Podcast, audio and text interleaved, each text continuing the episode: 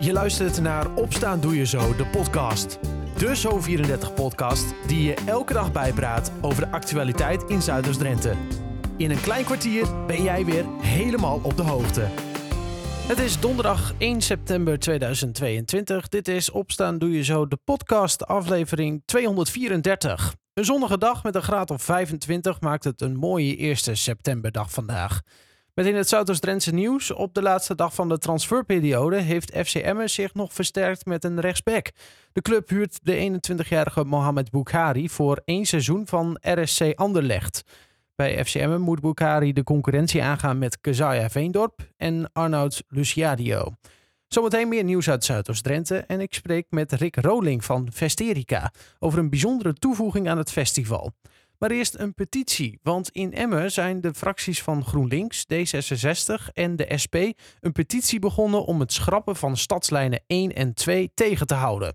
Dat voornemen van OV-bureau Groningen-Drenthe zou nogal wat vervelende gevolgen hebben, zeggen de partijen. Collega René Steenbergen sprak erover met Frank Arling van GroenLinks en vroeg hem wat de bezwaren zijn tegen het verdwijnen van die lijnen. Nou ja, de toegankelijkheid van de twee wijken uh, die wordt een stuk minder.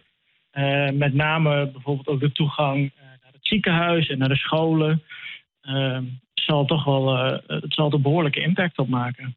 Ja, want er worden dan veel mensen door getroffen, denkt u? Ja, dat verwachten wij van wel. Ehm, kijk, heel erg hard kan je het eh, niet maken totdat we klaar zijn met de petitie. Maar het gaat de goede kant op. Ja. Wat, wat is eigenlijk het idee erachter om die lijnen te schrappen, weet u dat? Het is een, een bezuinigingsmaatregel hmm. van het OV-bureau. Ja.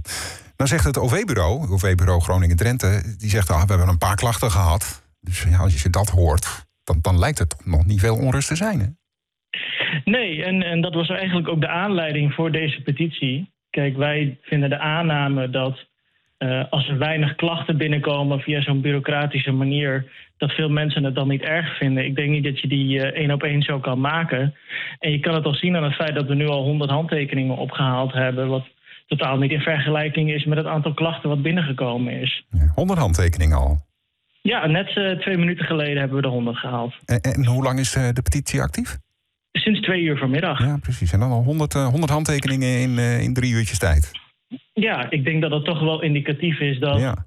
in ieder geval een boel mensen niet eens op de hoogte waren uh, van deze uh, geplande bezuiniging. Ja, hoe gaat dit nu verder? Want uh, nou, dan de komende dagen handtekeningen inzamelen, denk ik. En dan? Ja, zeker. We gaan door met handtekeningen inzamelen, digitaal. En we gaan fysiek handtekeningen inzamelen. En 9 september willen we voor de vergadering het aanbieden bij het OV-bureau. Ja, als er nu mensen in Emmen luisteren die denken... oh, dan moet mijn krabbel ook nog even bij. Hoe, hoe kan dat?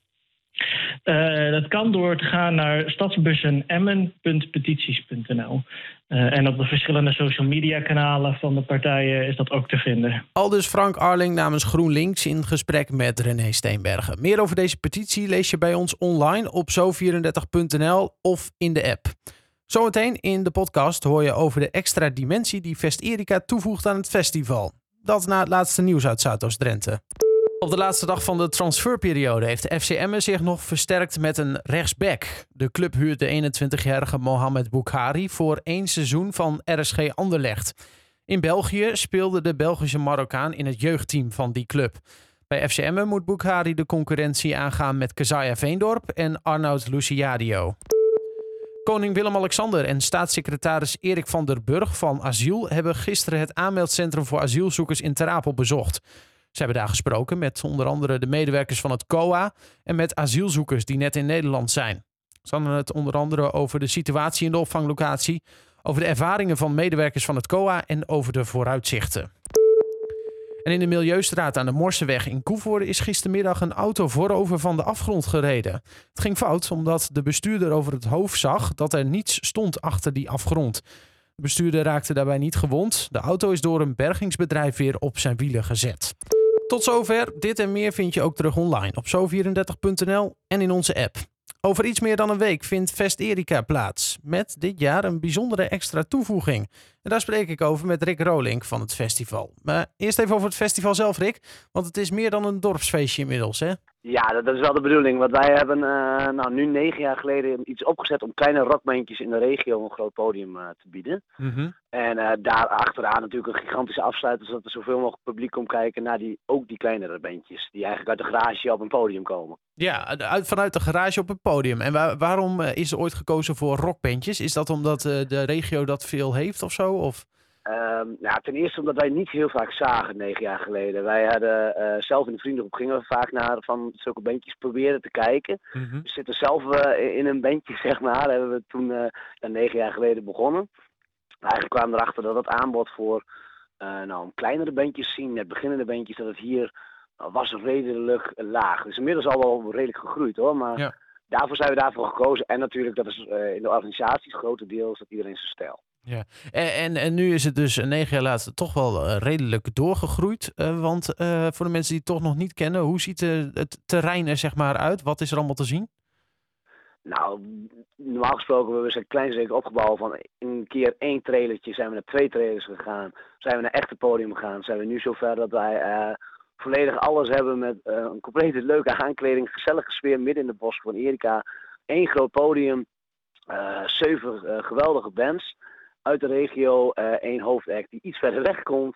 nou, dat, dat, dat, is gegroeid van uh, nou, 200 man naar, ik ga er vanuit dit jaar, dat het wel eens uitverkocht geworden, 1500 man. Ja, dat is toch uh, fantastisch. En er komt, ja, ik zei het al, er komt iets bijzonders. ik belde jou Ja. daar gisteren al eventjes over, ik was er een beetje over in de war, want zelfs de wc heeft straks een beleving. Ja, dat is het. Wij, wij hebben gedacht, nou, het is natuurlijk hartstikke leuk, alleen maar rockbandjes neerzetten. Daar komen mensen ook wel voor, maar wat wil je doen? Je wil de mensen optimaal vermaken. Echt van drie tot één uur s'nachts wil je ze compleet verrassen. Mhm. Um, dus wij hebben allemaal gekkigheid tussendoor. Dan hebben we één organisatie die is dus de enige niet zo van die rockbandjes. Die zegt, laat dat maar aan mij over. Ik verzin wel wat. Dus er komt tussendoor allemaal gekkigheid. Het mooiste wat wij hebben eigenlijk op de wc. Dan gaan we een compleet Alfred Jodokus Kwak experience uh, gaan we daar maken. Ja, en experience, dan moeten we dus denken aan een tentoonstelling hè? met uh, schilderijen of zo, toch?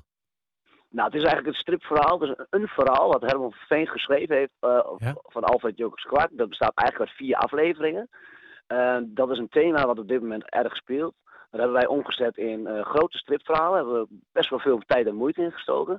Dan kun je in de tentoonstelling onderweg naar de wc, tijdens je wc-beurt en terug van de wc, kun je eigenlijk die volledige afleveringen, die kun je in je hoofd zetten. En dan kom je ook weer met een, uh, een doel eigenlijk uit, met een boodschap geven we ze mee. Uiteindelijk als je dus uit de wc bent, heb je een extra boodschap meegekregen van ons door Alfred Jodokus Kwak. Ja, dan hebben we het over een ander soort boodschap dan uh, normaal uh, op de wc, hè? Even voor duidelijkheid. Dat wel, ja. Ja, ja nee, Ja. oké. hey, en waarom dit verhaal, Alfred Jodokus Kwak? Nou, Herman Veen heeft eigenlijk in een eh, kinderserie heeft hij, eh, maatschappelijke problemen kunnen aankaarten. Dat, dat zie je tegenwoordig eigenlijk niet meer, vinden wij. Het is allemaal een beetje oppervlakkig. Er wordt niet echt meer eh, met kinderen, eh, met, zelfs met volwassenen niet over gepraat. Overal wat tegen elkaar opgezet. Nou, heeft Herman Veen eigenlijk in die kinderserie heeft hij alles mooi laten zien. Daar mag iedereen zijn eigen ding ervan vinden. Maar het is allemaal vrede liefde. Het komt altijd weer goed. Ja. En daarom hebben we hiervoor gekozen, vooral in de tijd van heel veel paniek en heel veel eh, gezeur. Wij op ons festival eigenlijk eh, willen laten zien. Nou, de titel zegt het bijna van de tentoonstelling al. eh, koester je vrijheid. Ja, ja, ja, toch nog weer dat thema aanhalen is wel belangrijk. Zeker ook op zo'n festival lijkt me, waar je het eigenlijk heel vrij bent. Ja, juist ja. ja dat bij ons het moet geen gezeur zijn, zeg maar. En iedereen moet blij zijn dat het mag zijn. En, eh, en ook wel koesteren dat je het hebt. Eh, even voor mijn beeldvorming. Hè. Dus ik, ga, ik loop op Fest Erika en ik, ik ga naar de, naar de, naar de wc's. Ehm, is dat dan een soort, staat het dan allemaal achter elkaar, zeg maar? Of ook in diverse hokjes of zo? Of eh, hoe, hoe- is zo'n opstelling een beetje? Of ga je dat niet verraden? Nou, ik ga niet te veel verklappen. het is zo, op het moment dat jij binnenkomt in de wc, dan begint je verhaal. Dan ga Ja. jij, word je meegesleept in het verhaal van Alfred eh, en zijn vriendjes. Eh, het verhaal gaat eigenlijk heel simpel. Het is eigenlijk een verhaal over de opmars van een dictator. Mhm. En daar ga je doorheen. Op het middenpunt ga je het ergste beleven. Nou, dat is de wc, dat is ook niet het allerleukste van het festival. En daar ga je dus het ergste beleven. Je hebt dus je verhaaltje gehad. Kom je op een moment, je je boodschapje aan het doen, dat je eigenlijk daar niet prettig moet voelen.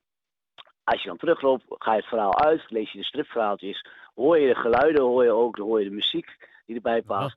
En dan kom je eigenlijk naar buiten met het idee, ja, ik ben weer blij, want Ja, precies. het is allemaal weer goed gekomen. Ja, er is goed over nagedacht, hoor ik al.